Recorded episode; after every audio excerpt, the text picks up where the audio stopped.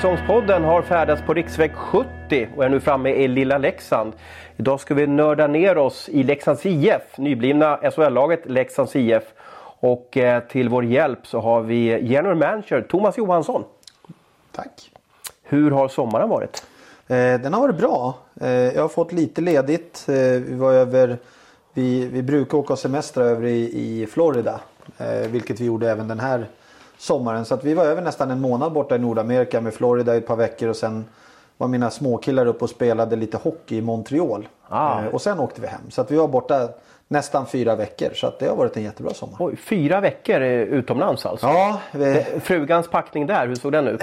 ja det, det, den, den är ju ganska stor är den. Men, men när man bor, vi hyr lite hus och sånt där, då kan man tvätta och sådana saker. Så att då, det, man behöver inte ha med sig för mycket. Sen är ju Florida är ju rätt varmt så det går ju inte att ha för, för mycket kläder med sig heller utan det är mycket shorts och t-shirt. Men du hade någon typ av camp i Florida förr i tiden va? Ja eller? det stämmer. Vi, vi startade för, jag vet inte om det är nästan, ja, nu är det väl kanske tre år sedan eller fyra år sedan som vi slutade. Men innan det körde vi sex år på raken med där vi hade en camp i Florida och sen så eh, attraherade vi svenska familjer och körde en liten någon form av kombo med hockeyläger för barnen, eh, semester för föräldrarna. Så, så, så barnen var på hockeycamp med mig och min fru och så hade vi eh, ett par kompisar till som hjälpte till att anordna det där. Och så gjorde föräldrarna stranden och spelade golf och, och sådär un, under dagarna. Och så träffades vi allihopa på kvällarna. Så vi var drygt 100 svenskar som tog in på ett hotell. Oj, häftigt. Eh, ja, på veckorna. Och du som råddade ihop allting alltså eller? Ja, ja, och så hade jag till min hjälp då en, en istränare borta i, i Florida som vi lärde känna där i Tampa-området.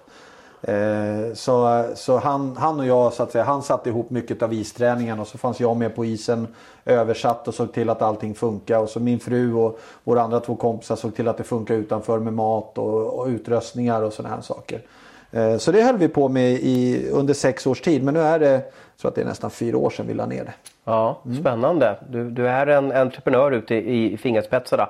Vad, har, vad är det bästa minnet från den här sommaren då? Vil- Vilken, vad kommer du bära med dig i, när det blir mörkt och du sitter och kör bussen, eller inte kör bussen, men åker bussen till, eh, till Karlstad eller någonting sånt där. Vad du kommer minnas av sommaren? Jag kommer minnas, vi, vi hyrde sån här jetski nere. Vi, vi hyrde ett hus nere i, på ett ställe som heter Marco Island. Eh, ute vid Mexikanska golfen. Och eh, då hyrde vi jetski med en guide som guidade oss igenom. Det ligger precis vid Everglades egentligen. Aha. Så vi körde jetski genom den här mangroveskogen som finns. Det blir ju häftigt, som häftigt. Kanaler och gångar och sånt där. Och stötte på delfiner och allt möjligt sånt där i djurlivet. Eh, det var en underbar eh, två timmars tur som vi hade där. Den, den kommer jag att tänka tillbaka mycket på. Mhm, jag får göra om nästa sommar. Eh, den här podden ska belysa, fokusera och dissekera Leksands IF och eh, vilken rivstart du fick på, på eh, din anställning i Leksand. Eh, hjälp våra lyssnare och, och berätta lite den här första månaden du hade här i- med den här förlusttrenden. Hur många förluster var det som... Nio, det stannade vid nio. Ja. Gjorde det det var ett uppehåll som kom där som räddade oss ifrån från fler just där och då. Så att vi fick göra ett litet omtag. Och dessutom så, så bytte vi tränare under den perioden också. Men, men det var ju en, en, en förening som, som, eh, där, där det var väldigt rörigt redan när jag kom in. Och precis när jag började så hade ju förlusterna börjat att komma. Jag var nere och tittade på, på Leksand då i Södertälje. Jag tror att det var på söndagen eller någonting sånt där. Och då förlorade man och sen började jag jobba med laget. Men då kom liksom förlusterna en efter en och, och läget var stressat. Jag, jag tror att mycket av själva det som var där, det, det kunde man liksom relatera till säsongen innan och hur den hade skötts och vad som hade hänt då. Och sen hade det gått en sommar och man redde liksom aldrig riktigt ur och tog tag i de problemen som man hade haft säsongen innan. Eh, av olika anledningar med spelare in, spelare ut, kanske ledarskapet, hur ska vi ha det? Eh, utan man fick ha med sig det in i säsongen. så att det kändes som när jag var där att alla hade bara egentligen väntat på att det skulle gå lite dåligt och sen börjar man angripa från alla håll och kanter. Varför var du så relativt seg att byta tränare, byta ut Leif Karlsson? Ja, alltså jag, dels så kommer jag in och, och jag kände att del, jag måste få, få bilda mig min uppfattning om Leksand, var Leksand befinner sig. För det var också en del ifrån styrelsen. Så att eh, du börjar, du bildar din bild av Leksands IF och därifrån sen får du ta det vidare. Och det gör man inte bara på en vecka. Även om förlusterna radas upp så gör man Så jag reste ju med laget för att liksom hänga med tränarna, hänga med spelare. Eh, så de första två, tre veckorna så, så handlar det mycket om att jag skulle försöka bilda mig en uppfattning om var står vi någonstans? Vad är, vad är det vi behöver göra? Eh, och i det så började ju förlusterna komma. så att från början så kände jag lite grann så här, rent om man tittar rent hur vi spelade så upplevde inte jag att det var riktigt där problematiken satt. Had, utav de här nio förlusterna hade vi kunnat vunnit tre matcher. Det hade vi definitivt kunnat göra. Så pass bra spelade vi.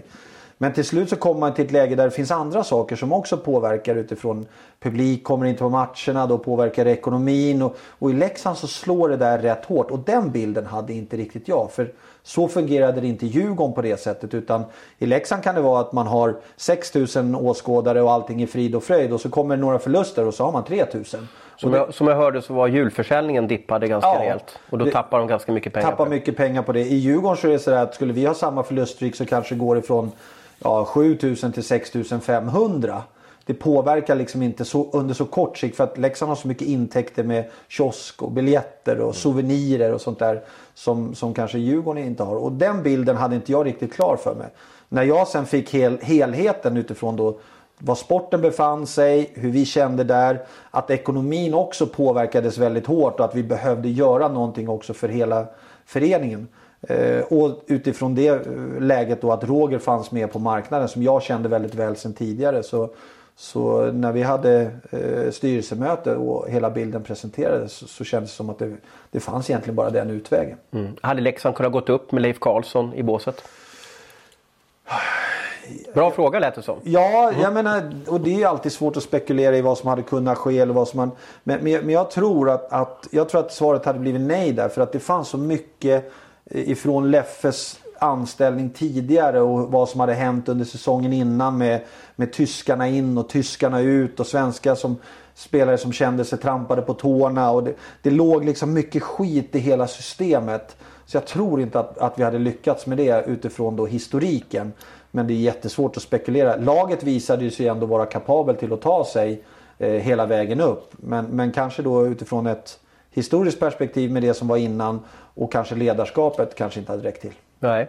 När vi spelar in den här podden så är det den 15 augusti. Eh, Leksand har tränat cirka två veckor på is och man har genomfört eh, första träningsmatchen. Hittills den här säsongen, eh, ser du någon tendenser på något sätt i laget eller står ni ungefär där du har tänkt att ni ska vara? Och, och sätter en träningsmatch igen, en träningsmatch utan Abbott och Ritol och så vidare. Har det gett dig någon signal om vad, vad, vad som är på gång? Att vi har lite att jobba på. Okay. det är väl det. Det, det var, kunde vi väl konstatera både tränare och, och jag och Christer som, som jobbar liksom också med sporten. Att, att äntligen så är vi igång så att vi får någonting att förhålla oss till. Vad är det vi behöver titta på? Vilka områden behöver vi jobba med? Och första träningsmatchen är ju väldigt mycket att folk kommer dit och man vet inte riktigt var man står. Och alla är i olika fas. Vi har tränat på ett sätt, Brynäs på ett annat sätt. Så att man kan inte dra så mycket mera växlar än att man ser okej, okay, det vi har diskuterat och pratat om under och tränat på den första tiden. Vad har satt sig? Vad sitter och vilka områden behöver vi belysa? Så att jag tror att många tyckte att det var rätt skönt att vi är igång för att då har vi material och, och kunna börja bena ut de olika områdena där vi behöver lägga lite extra krut. Hur har du tänkt när du har byggt Leksands SHL-lag 2019-20? Ja, eh, från första början så var vi ju inte ett SHL-lag när vi började med rekryteringarna. Utan då handlade det ju mycket om att försöka hitta spelare som ska tillhöra toppen i en hockeyallsvensk eh, förening. Eh, men skulle det bli så att det studsar åt rätt håll att vi också skulle kunna ha med oss de spelarna i SHL. Att de skulle kunna hjälpa oss i, i SHL. Eh, den senare delen när vi väl varit klara och de platserna då vi hade sex platser bestämde oss för att vi, vi har kvar och fylla. Då handlar det mycket om att hitta en typ av spelare som faktiskt kan leverera på en väldigt hög nivå i 52 omgångar. För SHL är ingen, inget 100 meterslopp. SHL är ett maratonlopp. Och det, det vi vet är att när vi har spelat våra första 15-20 omgångar det är då SHL börjar. Det är då det gäller att ha spelare som håller en hög nivå. Så därför valde vi att försöka titta då på framförallt svenska spelare som har erfarenheten, får gärna ha kommit en del i sitt liv med familj. Eh, för då vet vi att då kan vi också locka med det sociala i Leksand. Men också utifrån att de ska ju ha spelat hockey på en extremt hög nivå med erfarenheter från Tre Kronor, erfarenhet från spel utomlands eh, och kunna bära laget i 52 omgångar. Mm. Men innebär det att om jag kollar på, på players joining på Elite Prospect här så värvar du ju spelare som Mattias Göransson, Fredrik Forsberg, Daniel Olsson Trekulja och André Hult. Var mm. de så kallade allsvenska värvningar? Ja, alltså det, var, det var ju värvningar som, som där och då skulle höja oss i om vi spelade in hockeyallsvenska. Men sen är det viktigt också att du får inte sätta dig i en situation så alla som du har värvat sen är sådana som inte alls funkar i SHL. Utan tanken där var ju att jo men de här killarna är duktiga på skridskorna, de är duktiga, har de här egenskaperna. Skulle vi ta klivet upp så kommer de också att klara av att spela på SHL-nivå. Och mm. hjälpa oss där. Och förhoppningsvis då kunna utvecklas och bli ännu bättre hockeyspelare. Men det var liksom grundtänket från första början. Eh, så att därför kände jag mig oavsett eh, vilken serie så kände jag mig rätt trygg med värvningarna som vi hade gjort redan innan vi tog klivet upp i SHL. Att inte ett dugg orolig för att de inte kommer klara av att spela på den nivån.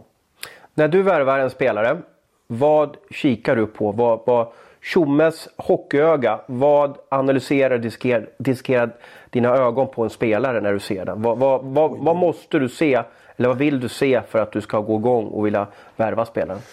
Eh, många parametrar är det, är det som vi tittar på men, men enkelt kan man säga att hur rör de sig på isen? Hastigheten menar du? Ja men alltså rörelsemönstret. Är de bra i skridskoåkningen framlänges, baklänges? Eh, kan de röra sig? För att SHL idag är en, en högtempoliga. Där du måste kunna flytta fötter och röras, åka skridskor och sånt där. Så, så mycket liksom rörelsemönstret för hur, hur de rör sig ute på isen. Eh, steg två kan man ju säga.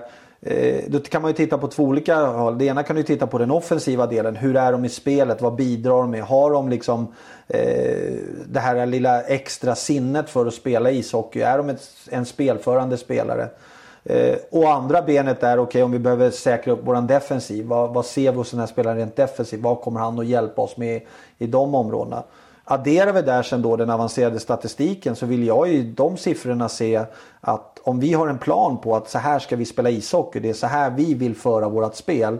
Ja, men då vill jag ju också se att de spelarna faktiskt bidrar det i den avancerade statistiken i sina lag där de befinner sig nu. Behöver de vara bäst i klassen? Nej, det behöver de inte vara. Men de måste ändå ha de siffrorna som jag känner att ja, men då, då vet jag att om vi vill ha en kille som spelar och är duktig på att passa pucken. Då vill jag se det i hans avancerade statistik också att det faktiskt är så. Vill vi ha en målskytt, ja men då vill jag se, han har inte behövt göra mest mål, men jag vill se att han är i de områdena där man gör mycket mål och skjuter mycket därifrån. Eh, då vet jag att han har förutsättningar att bli en bra målskytt. Så så kan man liksom lite krast gradera in det för hur, när vi tittar och scoutar på spelare. Plus minus statistiken, vad tycker du om den? Äh, jag är inte så mycket för det.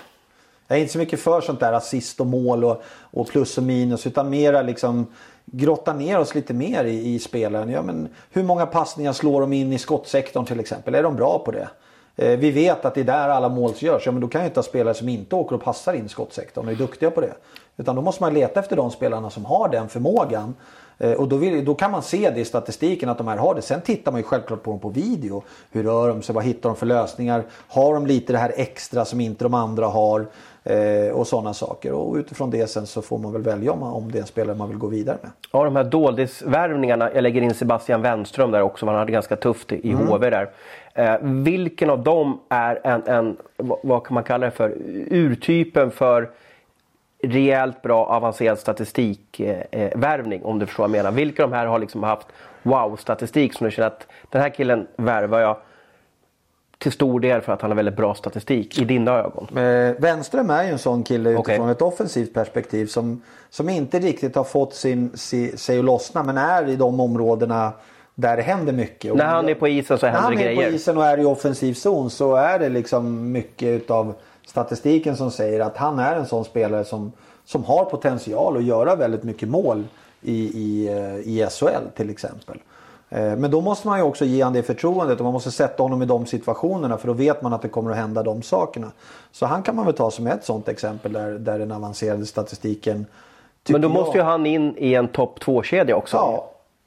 Är han tänkt att spela topp 2-kedja i Leksand? Oj, det är Roger och de som styr det där. Men, men eh, eftersom att han är den typen av spelare så är det klart att en sån kille måste ju kanske få, få powerplay-tid och spela i topp 2-linorna. Spela med sådana spelare som sätter honom i de situationerna. Så är det ju. Det är ju ingen kille vi sätter i en fjärde lina och ska åka och brunka fyra minuter varje dag om man nu lite slarvigt uttrycker sig. Mm, mm. Eh, det var ju några dålighetsvärvningar och sen har du lassat på fyra riktiga kanoner kan man väl kalla det för. Johan Fransson, Jonas Ahnelöv, eh, Spencer Abbott, Patrik Zackrisson, Janne Juvonen får väl också sägas, kanske fem, fem stycken. Vem av de här är du mest nöjd att du lyckas signera? Och jag är ju jättenöjd med alla, att vi har liksom lyckats ändå på något sätt få dem att, att känna att det är kul att komma till Leksand. Att Leksand har någonting på gång. Så jag har svårt att, att, att, pricka någon sådär utifrån det. Jag tycker alla har sådana egenskaper som kommer att hjälpa oss under säsongen. Jag tycker alla är jätteduktiga hockeyspelare. Eh, så jag har ingen sådär som jag känner att han är bättre, bättre än den. Sen är det ju självklart eh, att hitta liksom svenska centrar av den digniteten som, som Zachrisson är. Det är jättesvårt. Eh, så, att, så att det är väl självklart att, att vi fick honom in också utifrån den digniteten av spelare, svensk center. Det, det känns ju självklart extra skönt. Mm. Um, just nu då, 15 augusti. Uh, har du mer pengar att värva en till toppspelare till Leksand? Uh, vi tittar på en, på en toppspelare till och sen får vi väl se lite grann uh, vad det blir för typ av spelare. Om det är rätt spelare för oss eller inte. Men, men, men vi har planer på att försöka få in en med, med den digniteten av de övriga fem som vi har pusslat in i, i det senare pusslet då, ifrån det att vi varit SHL-klara. Så, så förhoppningsvis så, så innan seriestart kan vi nå i mål med någon som också ska komma in och höja, höja nivån i vårt spel. Är det en back eller forward? Vi tittar mestadels på en forward gör vi. Okay. Eh, eller åt det hållet med gärna en, en eh, kanske en center som kan gå som ytterforward. Mer för att vi centrar idag är så sjukt viktiga. Det är så viktigt att ha centrar i, i, i laget. Men sen ska det kunna vara så också att de, de faktiskt kan spela ytterforward eller kanske till och med har gjort ytterforward. Det är mycket svårare att ta en ytterforward och sätta som center och tro att det ska bli en bra lösning än att ta en center och sätta som en ytterforward. Är det spelförståelsen som Mycket inte... spelförståelsen. De ska vilja vara involverade i spelet med puck. De ska kunna klara av att driva spelet med puck. Alltså förflytta pucken ifrån våran zon upp i offensiv zon. Gärna att de kan styra ett powerplay och, och sätta upp det. För att det vi också är medvetna om det är ju att har vi för få av den typen av spelare och så får vi skador på dem så, så, så faller spelet ganska platt och då, då hamnar man lite på hälarna och där tycker jag många nykomlingar hamnar. När man, när man gör sina värvningar så, så blir man väldigt tunn i sin trupp. Och vi försöker nu bygga eh, spetsspelare mm, rätt många för att vi också ska ha en bredd på våra spetsspelare. För jag är ganska säker på att vi kommer att ha våra skador under säsongen och då måste man klara av att överleva de perioderna. Eh, så vi behöver ha en bredd i våran trupp även på spetssidan. Mm. Uh, finns det fler svenskar där ute eller, eller, eller tvingas det nu, tvingas kanske fel ordval, eller kika på nordamerikaner, att det är det som kommer kanske? Ja, alltså det finns några svenska spelare. Nu, nu är det inte en hel drös av dem som, som är kvar ute på marknaden. Uh, självklart är ju det kanske ett, ett första alternativ men men för mig så är det mera viktigt att det är en spelare som hjälper oss i vårat spel. Sen om man, jag tycker att hade vi nu har vi också lyckats då med att, få hit många bra svenska spelare i form av Ahnelöv och Fransson och Zachrisson till exempel. Eh, vi har också adderat då med Hult som kommer in och sådär. Så jag, jag tycker liksom de vi har gjort har varit svensk karaktär på spelarna. Skulle vi nu inte landa ytterligare någon svensk spelare så om vi går på nordamerikan eller någon annan det känns mindre. Det är mer viktigt att det är den typen av spelare vi letar efter. Nationaliteten blir sekundär i det läget.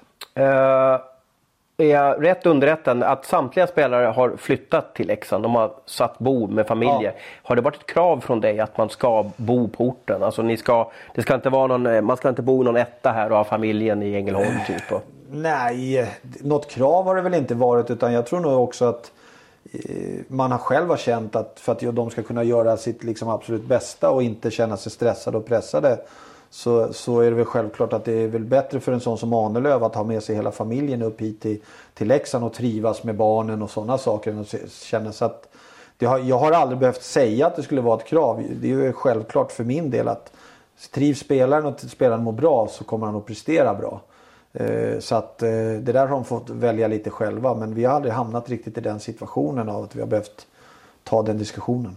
Fransson var ju i stort sett klar för Timrå eh, för ett långtidskontrakt där.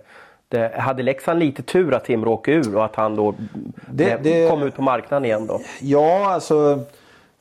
Jag vet ju inte hur långt gångna kanske planerna var i sådana fall med Timrå. Men, men eh, själv, självklart så i, med en sån spelare som Fransson så hamnar man ju kanske i ett litet läge där, man, man, där vi befann oss. Att kommer vi ta klivet upp eller inte? Timrå jobbade utifrån att de skulle vara kvar i SHL och, och, och, och sådana saker. Så att det är väl självklart att eh, Timrås otur att de ramlar ut kanske var våran lycka att Fransson då redan kanske såg sig framför sig att flytta till ett, ett mindre ställe i Sverige och familjen skulle med och de redan hade liksom planer på att ge sig hemåt i tankarna. Mm. Eh, men men eh, sen är det ju alltid den där, när, när det kommer till de, den digniteten av spelare också så Leksand tycker jag hade säkert kanske då utifrån vad de hade blivit presenterade i Timrå samma tankar med ett längre kontrakt. Ett ställe för liksom lite mindre ort med familj och barn och, och förutsättningar. Så att, så att självklart så kanske det var lite tur att, att Timrå,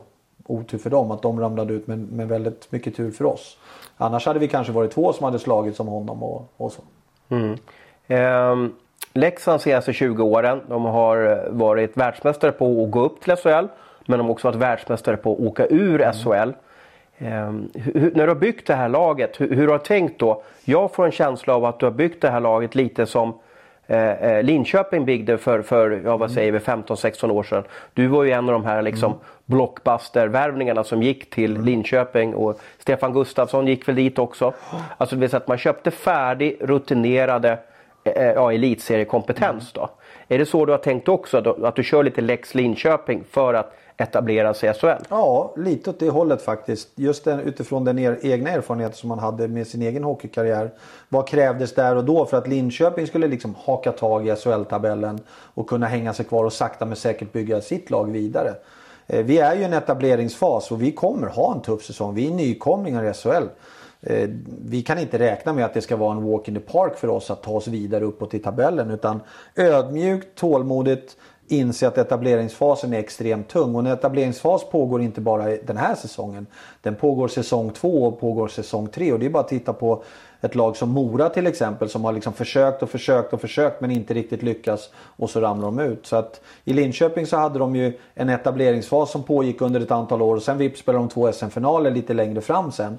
Eh, och det är väl lite det som jag känner att ska vi fixa det här så, så har vi behövt anamma lite den typen av koncept och utifrån det då kanske sikta in oss på den typen av spelare och, och därifrån sen förhoppningsvis kunna lyckas med det vi vill och, och hamna i den här etableringsfasen. Vad har Leksand för spelarbudget 1920? Eh, den håller vi oss för oss själva. Om jag säger att den ligger på runt 40 miljoner, har, har jag bra koll eller, ja, alltså, eller är jag liksom ute och cyklar? Nej, det, det är väl ungefär. Alltså, en, generellt kan man väl säga så här att en, en, en spelarbudget idag i SHL är mellan 38 och kanske 42 som en, ett snitt. Eh, och, och det, då träffar man väl rätt rätt. Mm. Eh, ni gjorde ju en del eh, jättefina värvningar som förmodligen har kostat en del. Är det eh, internt finansierat eller har ni tagit hjälp av eh, Per-Olof Ejendahl? Ni hade någon, ni hade någon eh, helg som ni var nere ja. och hälsade på honom där. Alltså är, är samarbetet Ejendahl-Leksand igång igen? Eller, eller hur? Nej, men alltså, vi, vi, vi kommer aldrig gå ut och, och, och, tigga pengar av någon för att vi ska kunna göra någonting. Absolut inte oavsett om det är en privatperson eller om det är ett företag. Vi kommer jobba i en riktning som vi tror på och som vi tycker är eh, så här ska vi göra, det är här våran plan och, så, och den ska vi klara av på egen hand utan att vi behöver ha massa externa finansiärer för att vi ska kunna ro saker och ting i hamn. Sen om folk tycker att det vi håller på med är väldigt spännande och, och intressant. Det är väl klart att, att om företag vill vara med och, och, och hänga med på resan i form av ekonomiskt stöd eller andra former. Eller privatpersoner känner samma sak. Ja men då är det självklart att vi, man får titta på vad innebär det och hur ser det ut? Men vi kommer aldrig springa och göra saker och ting och sen stå med mössan i hand och, och försöka få någon, någon som ska mata den handen och ge oss möjligheterna. Utan jag och Andreas är rätt tydliga med oavsett vad att vi gör våran grej, vi bygger våran plan. Den ska vi klara av själva. Men är det så att folk sen kommer att komma till oss och här, du Thomas, jag vill gärna vara med på det eller jag tycker så här. Ja men det är väl jättebra. Sen behöver inte det alltid vara ett finansiellt stöd. Det kan ju vara stöd i form av att se till att det finns boende till spelare eller massa andra saker runt omkring som, som hjälper våran sportsliga organisation framåt. Så det är ingen av de här spelarna, eh, eh, stjärnspelarna om man kallar för det, som är en så kallad Ejendalsspelare som kommer åka runt med Ejendals reklam på ryggen? Nej. nej. Intressant att få det. Vad har ni för målsättning? Vad har Leksand för målsättning den här säsongen? Är, är det så enkelt att hålla sig kvar? Ja, alltså våran målsättning. Jag har sagt att vår målsättning ska vara att vi kommer... Eh, är det så när 52 omgångar har gått så ska vi spela vidare. Men vi ska spela vidare i en positiv riktning, inte i en negativ riktning. Då är det alltså topp 10 som gäller för Leksand? Ja, eh, det kan ju vara liksom. Det är väl lite där som istället för att sätta en siffra att det ska vara det eller det. Så det är vår målsättning att när, när vi summerar säsongen så ska vi spela vidare i en positiv riktning och inte en negativ riktning. Det, det, det tycker jag det kan vi ha som en, en, rimlig målsättning. Vilka lag tror du att ni har möjlighet att ha bakom er? Oj, jag vet Den är tuff. Ja, den är tuff. Jag, jag, om man tycker att SHL var jämn förra året så tror jag att den kommer bli ännu jämnare i år. Eh, så att jag, eh, jag vågar inte ens liksom spekulera i vilka lag. Jag tycker alla, alla trupper eh, utifrån man tittar liksom lagen på pappret så, så är det ju i stort sett alla lag ser rätt intressanta och spännande ut. Och får man pusselbitarna att falla på plats så, så kommer det bli en huggsexa om, om tabell, tabellplaceringar. Sen är det ju så. Vi i Oskarshamn vi är ju lite efter i värvnings cirkusen mm. med att vi kommer in lite sent och vi får reda på beskedet och, och sådana här saker. Och den, den problematiken lider vi av och den problematiken tror jag också Oskarshamn lider utav. Mm. Och så har ni den här fallskärmen på 5-6 miljoner ja. som ni har gett till Mora och då har ni inte då samma förutsättningar nej, riktigt som de andra nej. då. Men samtidigt kan man se att det blir som en turboboost ja. till nästa säsong ja. att ni får lite mer då i, i eh, bidrag eller ersättning från, från, från eh, ligan. Topp 10 säger du. Vad måste ske i laget och i, i klubben för att laget ska komma topp 10? Eh, ja, det, det, det, det, som måste ske är att vi på något sätt ändå blir den här gruppen som kommer tillsammans på det. Att vi har skickliga hockeyspelare i vårt lag. Det, det inget, råder inget tvivel om. Men, men det är också viktigt att vi får ihop gruppen och laget och att eh, när det är tufft och, och, och tungt att, att man ändå liksom har energin och orken och glädjen att komma till hallen och glädjen att träna och, och sådana saker. Så att jag tycker att ledarskapet vi har på tränarsidan kommer bli extremt viktigt i år eh, utifrån den utsatta, utsatta eh, ja, föreningen som vi ändå är med så många som bryr sig och engagerar sig och det kommer vara, kommer vara högt och lågt. Och, och då, då, tror jag att viktigast är för Roger och, och tränarstaben det är att se till att, att killarna mår bra och trivs och, och eh, på så sätt också klarar av att spela sin bästa hockey så mycket som möjligt. Mm. Eh, du kommer ju in som en frisk fläkt, du kommer utifrån så att säga. Du, du är inte med i Leksands släktträd riktigt. Har du kikat på eh, vad som hände förra gången Leksand gick upp? Det vill säga när de hade matcherna mot, mot Modo de gick upp. Och så i stort sett spelar de SHL med en allsvensk eh, trupp. Mm. Är det någonting som du har kikat på och lärt dig av vad som hände då eller har du bara kikat liksom på ditt och framåt? Jag har nog mest kikat på mitt och framåt. har jag gjort. För du har ju tänkt annorlunda än hur var då. Då kanske du var tvingad att spela med den här ja, grupperingen ja, för att den var full. Så att säga. Ja, och, och det, det var väl lite det. Den situationen ville ju inte vi hamna i år. Så att i år var det ju att de spelarna som, som hade utgående kontrakt plus de spelarna som vi kanske höll på och lite förhandla med. Jag fick ju sätta det lite på vänt för att jag vill inte stänga några dörrar utifall att vi skulle lyckas med det här. Mm. Eh, för, för det vill man inte heller sitta i att det är spelare som man har eh, man, man fyller sin trupp och, och sen så ska man försöka klara av det med det. För att det är ju att sätta både spelarna och föreningen i, i en situation som, som inte är sund för någon. Men, men eh, så att självklart, men jag har inte tittat sådär jättemycket på hur laget såg ut då, vilka var med då, vad valde man att göra då. Utan eh, de byggde det på det sitt sätt som de trodde på och, och trodde skulle hjälpa Leksand att vara framgångsrikt. Och jag hade, har mina tankar på så här skulle jag vilja ha det för att jag tror att då kommer vi kunna lyckas med det här. Mm, och det har kommit topp 10 så har ni eh, lyckats. Eh, Leksand har alltid varit känt för ett spelande lag, offensivt lag, eh, mm. många skickliga spelare genom åren. Eh, vilken typ av hockey tror du Leksand ska, eller måste spela i SHL för att hålla sig kvar? Ja, det kommer inte gå att försvara sig ihjäl sig. Utan man måste kunna ha ett lag som kan spela pucken. Eh, och vågar spela pucken. Eh, och har ett, ett väldigt aggressivt försvarsspel så fort man tappar pucken. Så det är väl de nycklarna tycker jag som, som kommer att förhoppningsvis göra att vi klarar av vår målsättning. Att vi blir väldigt aggressiva i vårt spel utan puck. Men också att vi vågar spela pucken när vi väl har den. Och, och, litar på att, att vi kan utveckla våra spelare i den typen av spelmodell. Uh, för det kommer inte gå att vi kommer att möta upp och, och hamna i egen zon och försvara oss ihjäl uh, match efter match efter match. Det, det funkar inte. Nej. Eh, när jag gjort dina värvningar så noterar jag eh, att på Elite Prospect i alla fall på Team Comparison så har du det näst äldsta laget i SHL. Mm. Eh, struntar du i vad som står i passet eller, eller kan det finnas en fördel och nackdel med att ha ja, många veteraner om man kallar för det? Ja, alltså tittar man på... Jag hade nog varit mer orolig om jag hade haft en 4, 5, 38 till 40-åringar. Nu pratar vi liksom om veteraner som är 34 mm. och neråt. Mm. Uh, och, och, för mig så är man ju kanske som bäst hockeyspelare någonstans runt 26-27 och sen framåt i sin karriär. Sen är det vissa som klarar av att spela på en jättehög nivå. Till och med kanske 36, 35, 36. Men jag är inte så orolig för, för det snittet överhuvudtaget. Vi har ju gått väldigt mycket på, eh, kanske också mer än vad andra lag gjort, seniorspelare. Istället för att kanske ha en renodlad juniorkedja som fjärde lina. Eh, och det har vi gjort också för att vi känner att ja, men ska vi fixa det här så behöver vi ha den här bredden på seniorspelare i våran, våran trupp. För vi kommer att få skador, vi kommer ha folk som inte klarar av att spela. Och då har vi också valt att bredda och det drar ju också upp snittåldern lite grann i förhållande till om du tar du bort en, en 27, 28, 29-åring och så sätter du in två, tre 19-åringar så är det klart att det påverkar. Men, men eh, jag är inte så orolig för, för jag tycker liksom, jag vet inte om man är veteran om man är 32. Hur gammal var du när du kom till Linköping? 30. Eh, 30? Ja, var jag. Eh, så att däremot hade vi, varit, hade vi liksom haft fem spelare som hade varit 35 plus. Ja men det är väl klart att det då, då kanske det blir lite mera diesel utav det hela. Ja. Eh, Leksands supportrar har haft lite synpunkter på kanske att, att du har släppt två spelare. Mm. Du kan väl eh, vara lite detaljerad nu när du, när du beskriver lite Anton Karlsson och Johan Forsberger. Vad var det som gjorde att du väljer att släppa dem och samtidigt värva André Hult och Fredrik Forsberg? Mm.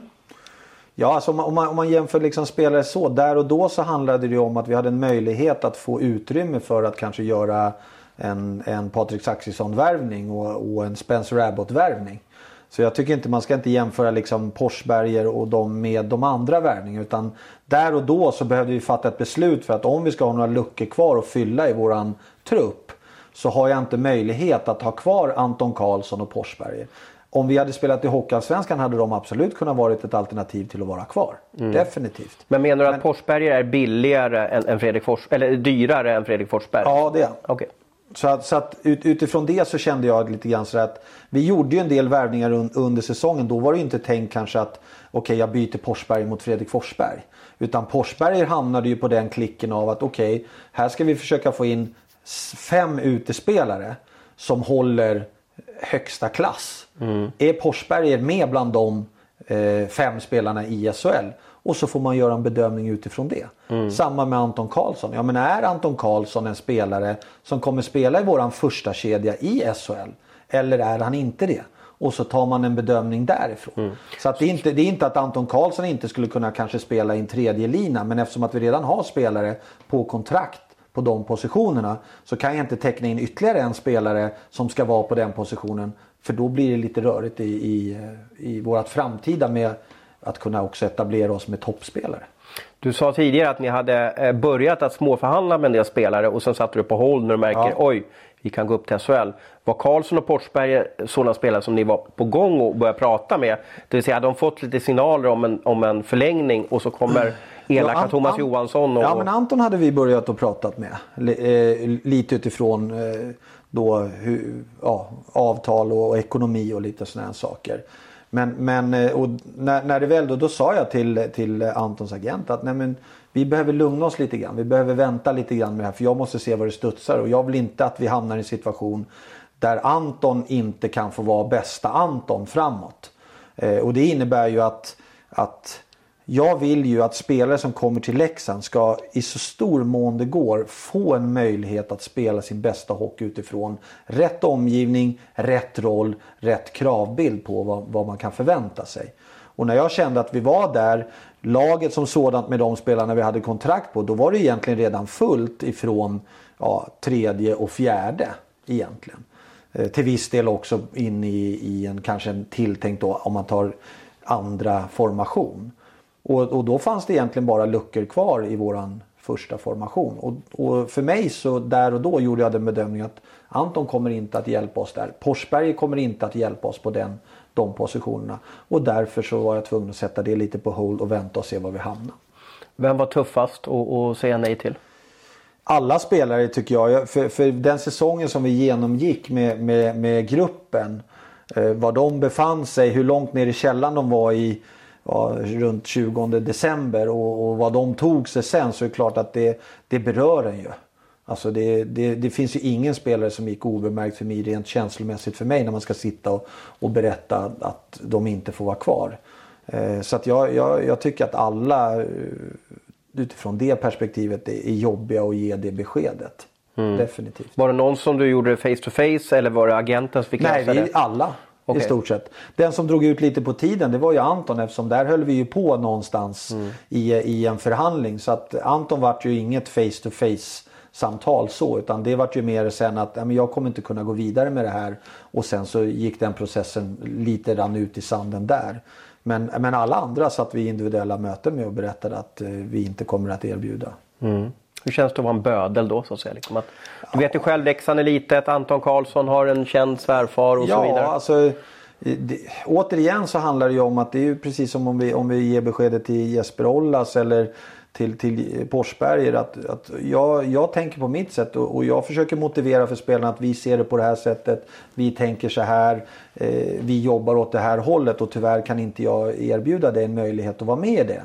Eh, behöver man alltid vara överens? Nej, det behöver man inte vara. Behöver man ha samma åsikt? Nej, det behöver man inte heller ha. Men det viktiga är också att jag kan motivera och inte bara säga så nej han duger inte eller han räcker inte. Utan i pusslet som vi och, och där var ju liksom en, en sån som Porsberger. Ja men då kan man säga så här Porsberger eller Spencer Abbott. Vem väljer vi där och då för att vi ska fixa det uppdraget som jag är tillsatt för att klara av. Hålla sig kvar i SHL. Ja. Hålla sig kvar i SHL. Och, och då, då blir ju liksom, då pinpointar man ju. Och då blir ju, för mig så blir det i alla fall rätt enkelt att säga, ja men jag tror på den här linjen, vi behöver gå den här vägen. Sen förstår jag att Forsberg blir besviken, jag förstår att Anton Karlsson blir besviken. Jag förstår att Jesper Ollas blir besviken för de vill ju vara med på resan och tycker mm. att de har varit, absolut. Men det är ju, det är ingen rolig situation men, men det är part of the business. Kan Ollas, han bor ju här i, i Siljansnäs eller om han flyttat in till Leksand nu. Eh, kan han hoppa in på ett korttidskontrakt om du får några skador? Har ni en sån dialog med varandra? Eller har du stängt dörren? Nej, vi har väl inte... Alltså, eh, Jeppe vill ju fortsätta spela. Ja. Han har ju det som ambition och håller igång. Och, och Men ganska rotad, jobbar på banken ja, om Ja, alltså, jag har ingen aning om hur, hur hans civila liksom, del ser ut nu. Jag vet bara att han, han vill fortsätta spela ishockey vidare. Eh, om det sen skulle visa sig att där vi skulle ha x antal skador då får man väl ta ställning till det då. Men det är ingenting jag gått och funderat på eller tänkt på att då gör vi så här och då gör vi så. Eller att vi tränar han med er exempelvis? Nej, Nej, det gör han inte. Tränar med juniorlaget eller? Nej, han tränar själv. Okej. Okay. Mm. Eh, intressant, vi får se vad som händer där. Eh, Spencer Abbott eh, sa du ganska tidigt, jag tror det var en intervju med, med Aftonbladet nästan på slutsignalen där på när, när Leksand hade tagit sig vid Mora och tagit sig upp att det var en duktig spelare. Eh, han kommer inte förrän det har gått cirka 10-11 matcher. Ja, en till, femtedel ungefär. En femtedel. Mm. Eh, förklara för lyssnarna varför det är så. Ja, eh, Spencer har ju varit i, i, Sverige på ett artistkontrakt. Och det gör ju att han får bara vara i Sverige 183 dagar.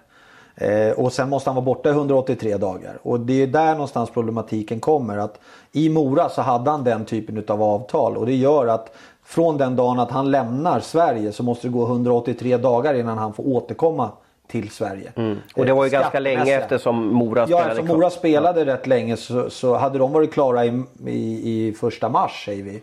Ja då är det 183 dagar från första mars innan han kan komma tillbaka och spela.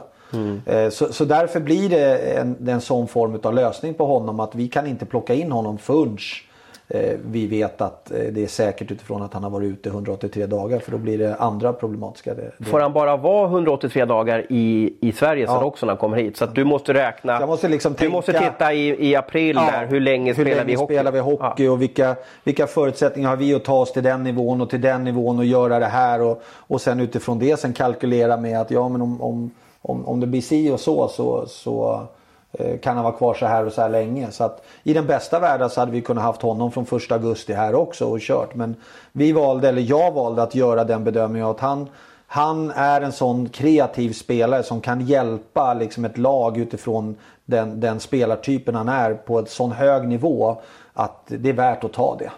Men hur räknar du då? För eh, just nu i praktiken och i teorin så kan ju Leksand spela en sjunde avgörande SM-final ja. i maj. Ja, och det måste vi ta med i beräkningen också.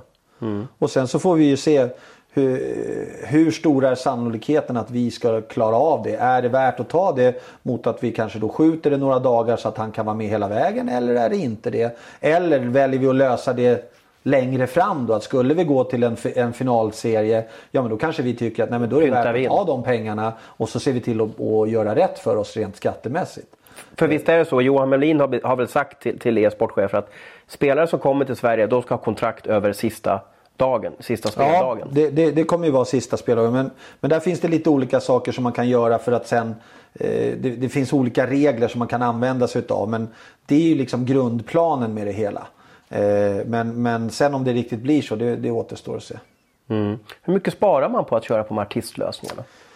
Är det så stora pengar så att det är värt det? Ja, det, det, än så länge så är det det. Ja. det än så länge så är det rätt. Sen, sen är det ju ofta så där att de här killarna vill ju Alltså när, när, du, när du väljer de här spelarna så, så, i Sverige så har vi ju Där pratar vi ju väldigt sällan nettolön men det pratar du ju nästan alltid med de utländska spelarna. Jag vill ha så här mycket netto i handen. Han vill se hur mycket han får in han på bankboken. Sen om han är här i sex månader eller nio månader, tolv månader.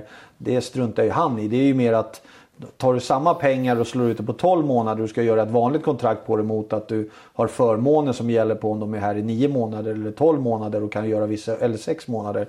Det är väl klart att det blir en eh, påverkan på slut sista raden. Mm. Har du daglig eller har du veckovis kontakt med alltså, Kan du skicka någon, någon gamebook till honom någonting sånt där eller för att liksom hjälpa honom och, och, och komma bra förberedd? Ja, vi, vi har ju, våra fystränare har ju kontakt med honom. Eh, jag har kontakt med honom utifrån då kanske mera de civila delarna med boende och se till att allting funkar. Christer har kontakt med honom utifrån med Migrationsverket och alla de här sakerna. Så att vi är lite flera som har, har kontakt med Spencer. Ja. Sen mm. har inte vi daglig kontakt. Nej det har vi inte. Eh, det är någon gång i veckan eller någon gång varannan vecka som, som vi hör av varandra. Vi är fortfarande rätt långt borta. Jag är helt övertygad om att han kommer följa våra matcher rätt hårt. Eh, under den här hösten tills han dyker upp. Mm. Det är alltså en månad, i alla fall när vi spelar in den här podden innan SHL börjar. Och du, du sa i inledningen av podden att inom en månad så tror du att du, du, det finns stora möjligheter att du har landat en till eh, duktig hockeyspelare som mm. förstärker Leksand. Eh, Alexander Bergström, mm. just nu, hur, hur ligger det till med honom? Eh, Alexander sitter ju fortfarande och väntar på uh, KHL egentligen. Så där vet jag inte så mycket mer än, än, än, än att han inte har bestämt sig för om det ska vara Sverige eller Ryssland. Eh, eller kanske någon annan NLA eller någonting sånt där. Det var ju lite samma som vi hade med Zacke. Zacke var ju också lite inne i att de skulle vara kvar i utlandet ytterligare en säsong och köra.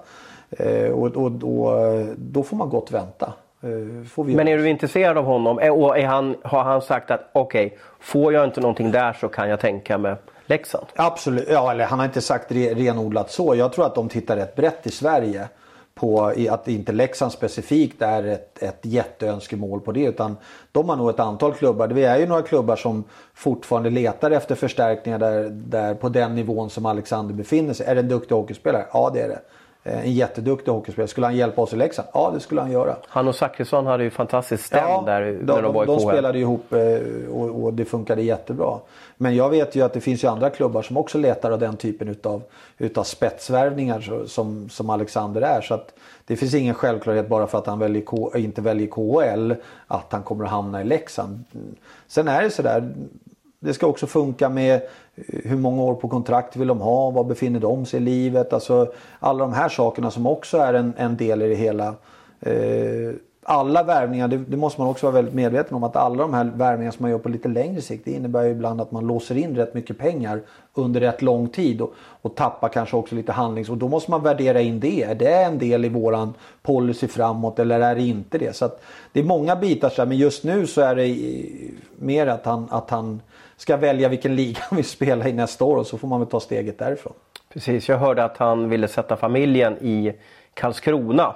Det vill säga liksom då bara, eh, ja, att de ska bo i Karlskrona whatsoever. Ja. Och då kanske lag som HV71 blir just ur ett, ett familjeperspektiv mer attraktivt för ja, honom. Det... Men vi får se. Och, och, igen, ni lyssnare, när ni kanske lyssnar på det här, kanske han har signat med, med, med traktor eller, ja. eller, eller eh, torpedo eller någonting. Så det blir ju väldigt osäkert för våran del att säg, problemet som vi hamnar i är ju att Eh, resan fram till att han bestämmer sig så kanske det ploppar upp andra spelare som vi tycker är bra och då måste vi fatta ett beslut. Antingen så sitter vi och väntar på Bergström och sen kanske det visar sig i slutändan att han väljer KHL i alla fall och så har vi mm. sumpat några spelare på resans gång. Eller också så väljer vi att nej men vi, vi, vi kan inte vänta längre, vi vågar inte riskera den här viktiga pusselbiten i vårt lag och så går man på någon annan. Mm. Eh, om vi backar lite här och kollar på de här eh, stjärnvärvningarna som har tagits så har du ju skrivit. Är det SHL-kontrakt med dem? Vad händer om Leksand åker ur? Det där är ju lite olika. Det finns ju, eh, de, de flesta kontrakten upphör att gälla. Okej. Okay. Ja, och det är ju för att skydda klubben framförallt emot att man sitter med alldeles för stor kostym i förhållande till vad man klarar av. Mm. Sen finns det ju vissa spelare som kanske väljer att nej men jag vill vara klar, kvar i klubben i alla fall. Okay. Eh, och då kan man, kan man som förening säga att vi kan göra det eller vi kan inte göra det. Så vilken av de här spelarna har alltså Leksands kontrakt och vilka har SHL-kontrakt? Jag ska inte gå in på vilka som, okay. har, vilka som har vad eh, utifrån det perspektivet. Men självklart är det ju att det blir en, en extremt tuff ekonomisk situation för om vi hamnar med för många spelare som sitter med, med väldigt mm. Bra lön och så får vi spela i Hockeyallsvenskan. Men, men eh, någon enstaka har uttryckt att okay. jag vill oavsett vad. Jag vill avsluta här. Ja, eller jag vill, jag vill spela de här två till fyra år. Ja precis, jag vill jättegärna Aha. finnas med så. Okay. Sen när man väl står där den dagen det sker så kan det ju faktiskt vara så att vi kan ha ett bindande avtal men att man ändå kommer överens om för båda parters skull att det inte är. Men, men eh, initialt så är det så att alla kontrakt upphör att gälla. Mm, precis. Jag trodde att det var SHL-kontrakt rakt över men då hör jag ju dig mellan raderna här att det finns någon av de här som har ett så kallat Leksandskontrakt eller vad man ska kalla det för då. Och då får man ju se sen för det blir ja. ju som säga en tuff det är tuffa kontrakt att bära i en allsvensk ja. kostym. Så sen, sen, är det så att du kan ju göra med, med, en spelare så kan du ju skriva in precis som spelarna väljer i en hockeyallsvensk förening så väljer ju de att spelar jag i hockeyallsvenskan har jag den här lönen. Spelar jag i SHL så har, har vi den här lönen. Mm. Och samma sak kan du göra med en spelare här. Det innebär ju inte bara för att de har en lön i, i SHL så ska de ha samma lön i hockeyallsvenskan utan du kan ju välja att okej, okay, det är det här som gäller om vi spelar i SHL men hamnar vi i Hockeyallsvenskan då kommer vi överens om den här siffran och så jobbar vi utifrån det. Och så kan man liksom känna att ja, men då kan han finnas med oss i våra planer om det här inte skulle funka så som vi vill. Mm. Spännande att se. Har du, hur funkar du? Räknar du att ja, vi behöver x antal poäng för att komma topp 10 eller hålla kvar? Eller tänker du på vilka lag man ska bakom sig? Eller hur, hur, hur, du, för du älskar ju statistik har jag förstått. Hur, hur räknar du när du ser på säsongen? Ja, jag räknar med att vi behöver nå 70 poäng ungefär. Okej, okay. 70 poäng? ja, där någonstans behöver vi nog försöka för att vi ska kunna eh, vara med och tampas om, om den här platsen. Att känna oss liksom bekväma med att att vi, vi är på den nivån där vi känner att vi skulle vilja vara. Just det. Hur många segrar blir det? Blir det 18 segrar någonting eller vad kan det bli ja, jag, jag, har inte sådär, jag vet, jag vet att vi hamnade i lite samma tankar då när, när jag var i Djurgården och vi fick den här förlustsviten på hösten. Att ska vi nå ett mål här framåt så behöver vi ha så här mycket poäng och då tittade vi rätt mycket på hur det har sett ut och vad är det vi behöver ha. Så att, eh, jag tror att om du blippar liksom i SHL-tabellen och tittar ungefär vad går strecket för för 8, 9, 10 där någonstans så, så kommer du nog landa in där tror jag. Gör du några ändringar nu när ni ska resa på bortamatch i SHL? Eh, vill ni resa samma dag, dagen innan eller vad har du för tankar du, när du vill förbereda dina spelare så bra som möjligt? Vi, vi kommer väl ha några flera flygresor kommer okay. vi ha, där vi, där vi, för att underlätta eh, Luleå borta till exempel och Skellefteå borta och de här som är, är, är rätt tuffa. Eh, även söderut har vi vissa men, men annars kommer det bli rätt mycket buss. Eh, vi, vi försöker ju med, med lite längre bussresor åka dagen innan. Det gjorde vi i Hockeyallsvenskan också.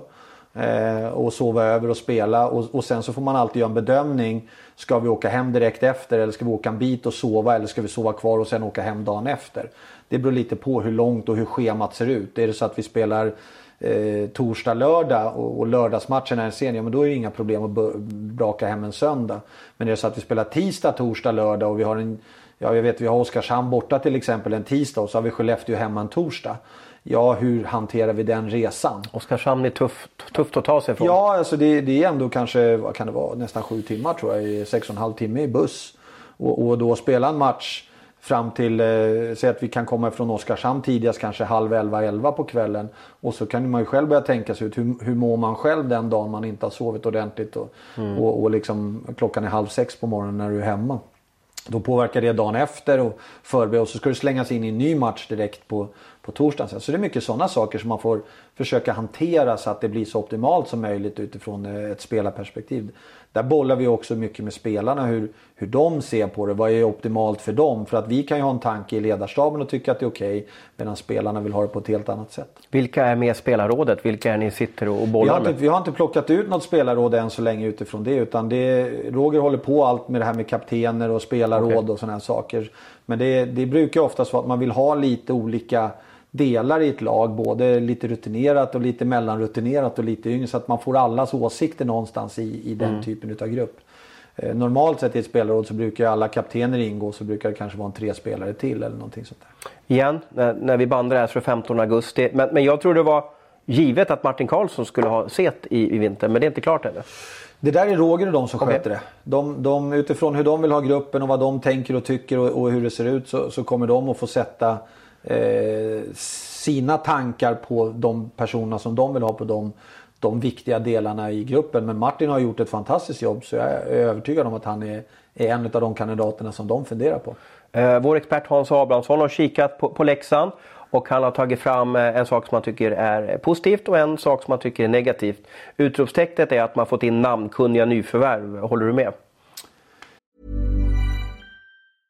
Normally, being a little extra might be a bit much, but not when it comes to healthcare. That's why United Healthcare's Health Protector Guard fixed indemnity insurance plans, underwritten by Golden Rule Insurance Company, supplement your primary plan so you manage out of pocket costs. Learn more at uh1.com.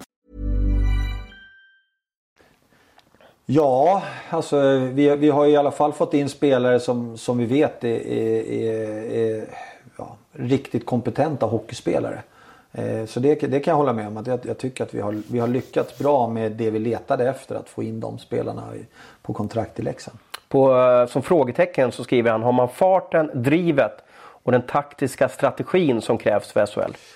Ja, då skulle jag vilja veta vad den taktiska strategin är i Hans Abrahamssons analys. Ja, i hans eh, Brynäs eller Gävlehjärna där så att säga. Du kan ju inte han svara på det där då. Men, men eh, Vi får väl vända tillbaks den till honom för då, därifrån sen kan jag gärna ta För farten har du ju sagt att du har kikat väldigt farten mycket på fart. Det, det är jag inte ett dugg orolig för. Eh, men jag är lite nyfiken på hur han ser de taktiska delarna. Ja, jag, jag kan nog gissa, men det ska han tala för sig själv, att han kanske har lite synpunkter på kanske Roger Melin och Gunnar Persson. Hur de ska ja, ta sig an SHL-hockeyn då. För sist Gunnar, eller fel, Roger var i SHL så gick det inte bra med Brynäs. Nej, alltså bra bra, det får man väl alltid diskutera. Det, det, det är ju frågan om det var hockeymässigt som de eh, inte tyckte att det var bra eller om det var något annat som de inte tyckte var bra. Det vet inte jag hur Brynäs resonerar. Mer än att jag tror nästan att de vann varenda försäsongsmatch. Mm. Eh, tror jag. Eh, och sen så slängdes de in i en serie och, så, och sen så gick det inte så bra de första åtta matcherna tror jag det var i Brynäs. Men vad det berodde på om det var hockeymässigt eller om det var ett ledarskap. För de kom ju från ett ledarskap med, med eh, en, en Bulan Berglund som har som sitt drev, ledarskap. Drev varje och sen dag. så har Roger sitt ledarskap. Så att jag tror inte att det var några hockeytaktiska problematiska grejer utifrån det. Det tror jag inte. Nej. Ehm, vi får ju se hur, det går. Eh, eh, ni plockade in Gunnar Persson. Det är ju en gammal mm. radarpartner till Roger Melin. Var det, var det, var det Rogers önskan eller, eller hade du scoutat en, en ersättare till Christer Olsson? Eller hur? Ta mig igenom så, den resan. Ja, när, när, när, vi tittade på, det, det är självklart att, att som headcoach så måste du också få önskemål om vilka du vill jobba med. Eh, för mig så är det ju också att försöka vara en, en jag ska inte säga motvalls men ändå vara ett bollplank där. Att okej okay, men vi tänker så här framåt, vi ser det så här. Eh, och, och sådana saker. Så att Roger och jag bollade mycket tankar kring vad är det vi behöver få in och, och sådär. Men, men Roger och Gunnar har ju jobbat bra ihop tidigare. De gillar ju varann och har trivts tidigare och haft framgång i de lagen de har varit tillsammans i. Eh, så att när, efter ett tag där när det hade fått sjunka ner i min mage och, och lite också utifrån hur vi vad vi kommer att ha för typ av säsong där det kommer att brinna och det kommer att vara stressat. Det kommer att vara pressat och, och vi har en del unga killar också som finns med i det här systemet som, som kanske mer behöver ha ett tryggt och lugnt ledarskap och en, liksom en, en, en att man tror på dem. Eh, än kanske ett eldande, jagande, stressande ledarskap som kanske sätter andra problem, problematiska delar på, i huvudet på spelarna. Så, så vart det rätt givet där att nej, men vi går på den rutinerade delen. Mm. Vi, vi, vi, tar det trygga, lugnande, eh, förtroendeingivande ledarskapet före det mera pådrivande eldandet eh, och jagandet. Så, så, att jag tycker att vi eh, med den säsongen vi står för, för dörren framför så, så, känns det som att vi har ett ledarskap som jag tror kommer att kunna hantera det på, på ett ypperligt sätt. Stämmer det att, att Roger är ganska enkel, lugn, cool och, och att Gunnar är lite kungen av one-liners. Alltså det, det är en en friskus och en, en rolig herre. Stämmer det att han, han har en väldigt, eh, vad ska man kalla för, eh, skön jargong i omklädningsrummet? Ja, men de två har ju i stort sett samma syn på ledarskap. Sen är ju, Rå, eller sen är Gunnar mycket mera in på spelarna och pratar med vad spelarna behöver utveckla och träna med dem och jobba med dem på individnivå. Eh, men just vikten av att man ändå har samma typ av syn på ledarskapet när man vill nå fram med sitt budskap och hur man vill driva fram liksom det bästa ur spelarna. Det är ju jätteviktigt och där, där har ju de samsyn. Så att jag, jag, jag tycker att vi har, vi har fått ihop ett ledarteam då med Roger och Jens också som trivdes redan förra året och, och jobbat tillsammans där alla känner sig trygga i sina roller. De tror på det de gör och, och det kommer de att förmedla till laget och det kommer att göra att vårt lag ändå kommer att och, och känna en trygghet tror jag. Uh, vi är dags att avrunda podden och uh, jag brukar avsluta mina försäsongspoddar här med, med, sportchefer och profiler i lagen med att vara lite personlig med den jag intervjuar. Och, och Thomas Johansson, vad, vad, är den största motgången du har haft i ditt liv? Det, det kan vara på privata planet och på hockeyrinken. Ja, alltså motgång och motgång. Men det, det, det största som höll på slut det var när min fru blev sjuk. Väldigt allvarligt sjuk. Hon höll på att gå bort där i den. De... Ni bodde på Dalarö då? Va? Ja, vi bodde på Dalarö. Och vi, jag var ju över i Jokerit och spelade i Finland då när hon var dålig. Så att den tiden var extremt jobbig. Eh, och en tuff tid alltså i, i vårat liv. Med, vi hade Simon som var ett och ett halvt år. Och, och, och sådär. Så, att, så att den perioden var extremt jobbig och, och stressande för, för... Vad blev hon för sjuk? Vad var det för resa hon, ni tvingades göra? Ja, men hon, hon fick en, en sån här hjärnabscess heter det. Det är en bakterie som sätts i hjärnan och orsakade massa problem med huvudvärk. Och det var mycket vätska i huvudet och, och det i sin tur gjorde till slut att, att hon slutade andas. Eh, för att det var som tryck i huvudet och, och och, så. och det gjorde då, hade inte vi varit på rätt ställe vid rätt tidpunkt så hade nog hon inte levt idag. Hur fick man det här? Eller vad, vad... En vanlig förkylningsbakterie som, som normalt sett ska filtreras bort i resan upp, upp eh, till hjärnan men som inte hade gjort det och lyckats ta sig vidare uppåt. Och egentligen liksom en, en, en ganska harmlös bakterie från första början men, men som fick väldigt allvarliga konsekvenser. Så på, på två veckor ifrån att ha börjat att få lite lätt huvudvärk till och och ligga dödssjuk och, och, och sluta andas. Det, det gick fort. Så, så det var en väldigt motig, motig tid. I. Var du hockeyspelare i Helsingfors då och, ja. och hon var småbarnsmamma i Stockholm? Ja, eh, de åkte hem för att och, och fira jul hemma. Jag stack med landslaget till Ryssland. Eh, och, hon var bara sämre och sämre så när jag kom tillbaka så, så hamnade vi mer eller mindre på sjukhus under den julen. Eh, och sen så skulle, vi, eh, skulle jag åka till eh, Spengler Cup och spela med Jokerit i Davos. Men jag tackade nej till den resan för att eh, Camilla skulle ligga på sjukhus. Och, och därifrån sen var det ännu mer allvarligare för att de Först röntgade de huvudet och såg att det satt någonting i pannan, eh, trakten på henne och då trodde de att hon hade fått en hjärntumör. Men sen när, när, när det var så akut att hon slutade andas och åkte ner och de stack hål. De kör in en nål i huvudet för att se vad det är för någonting och ta ett prov på det som satt där. Herregud. Alltså. Då, ja, då upptäckte de att det var en, en bakterie som hade byggt in sig så det var fullt med var i den där. Eh, och då var det penicillin och då liksom. Men, men jag hade ett ganska tufft, hade en tuff resa ifrån från Södersjukhuset som hon låg på från första början. Hennes mamma bodde i Mariefred och när vi var hemma så, så var vi där nere över julen. Eh, och då skulle jag åka hem. Då hade vi precis fått besked om att eh, läkarna misstänkte att hon hade en hjärntumör i huvudet. Så då skulle jag ta den resan ner till hennes mamma och försöka förklara för henne att hennes dotter hade en hjärntumör. Och det var ingen rolig resa. Nej. Vad har du, vad har, du- vad har du lärt dig av allt det här? Hur har du förändrats efter? Det var en kris ni gick igenom. Ja, nej men jag, alltså ju- just så. Jag tror jag har blivit rätt mycket så coolare och lugnare efter det där. eh, Okej. På något vänster. Alltså, Att tre poäng är inte så nej, viktigt eller? alltså hockey är viktigt. Eh, absolut. Jag vill vinna, det är inte det. Men, men någonstans så finns det så mycket andra saker och ting så att, att man vinner eller förlorar, ja det, det, det kan man hantera. Mm. Eh, när man har, när man, ja, jag, jag tycker jag har mycket lättare att förhålla mig till de sakerna. Mm. Mycket lättare att förhålla mig till eh, stressade situationer i mitt jobb som inte är på liv och död. Mm. Eh, mot vad jag kanske hade förut att göra. Ja, eh, nu har ändå, jag förstår att familjen står dig nära och det gör vi för oss alla. Men, men nu väljer du att bo i Leksand några dagar och sen åker du hem. Hur, hur klarar du att vara utan familjen så mycket som ni har varit med om det här? För det, jag, kan, jag kan tänka mig att det sammansvetsas Ja, enormt. Ett, man, man, man blir ett, nej men det var ju också ett test här eh, nu kanske under hösten kommer det här att funka för oss. Att, att vi känner att det här är den grejen som vi kan göra. Eh, så att jag, jag, jag tycker att både jag och Leksand har varit rätt sådär. Ja men vi har ett avtal men vi måste också pröva oss fram och se så att jag kan hantera den delen. Nu är det ju så att jag är uppe i Leksand tre fyra dagar. Hemma kanske 3 dagar och sen uppe tre fyra dagar igen.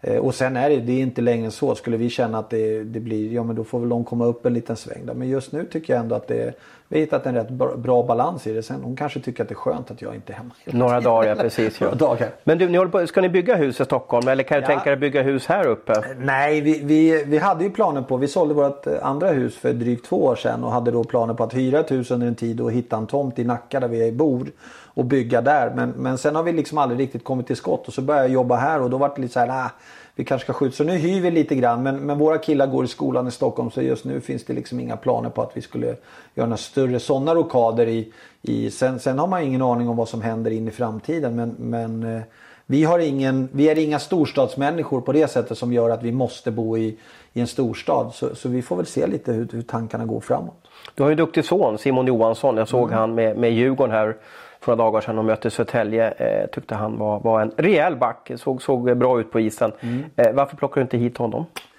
Eh, nej, alltså dels har jag, skrev jag han på ett kontrakt med Djurgården under säsongen. Sen är det sådär, det är alltid har varit känsligt tror jag för Simons ho- egna hockeyresa hela tiden att, att förknippas med mitt namn. Jag var ju i Djurgården som sportchef när han spelade juniorerna. Det finns alltid folk som har åsikter om det och tycker och tänker om att, att barnen får fördel av saker och ting och sådär. Så att jag tycker att det är rätt skönt att han får liksom göra sin hockeyresa själv och inte beblandas hela tiden med sin pappa och, och sådana saker.